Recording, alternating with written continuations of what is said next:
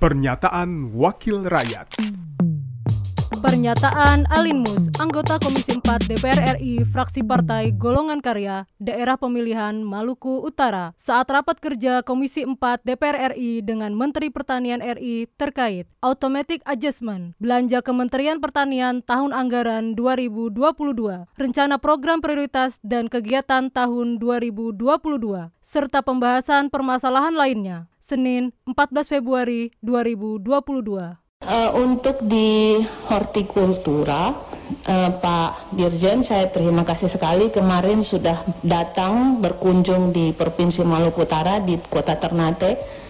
Tapi saya ingin menyampaikan Pak Dirjen, ini kan banyak uh, petani-petani uh, muda yang mau bergerak di bidang hortikultura mendapatkan stimulus atau bantuan Pak Menteri. Karena ternyata yang banyak sekali aktivitasnya di bidang horti itu termasuk petani-petani milenial. Ini yang menjadi atensi kita bersama. Sayur-sayuran sangat penting, apalagi itu kalau untuk bunga di daerah saya belum terlalu terlalu ini. Tapi kalau untuk sayur-sayuran sekarang mereka sudah beranjak ke horti.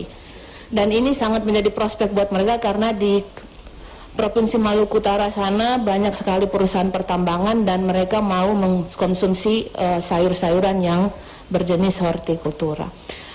Itu saja pimpinan yang saya ingin sampaikan bahwa kalau memang ada perubahan kesepakatan lagi untuk di automatic adjustment ini, saya berharap bahwa kita lebih mementingkan kepentingan para petani dibandingkan dengan kepentingan-kepentingan yang lain. Pernyataan Alin Mus, anggota Komisi 4 DPR RI, fraksi Partai Golongan Karya, Daerah Pemilihan Maluku Utara, Produksi TV dan Radio Parlemen, Biro Pemberitaan Parlemen, Sekjen DPR RI. Pernyataan Wakil Rakyat.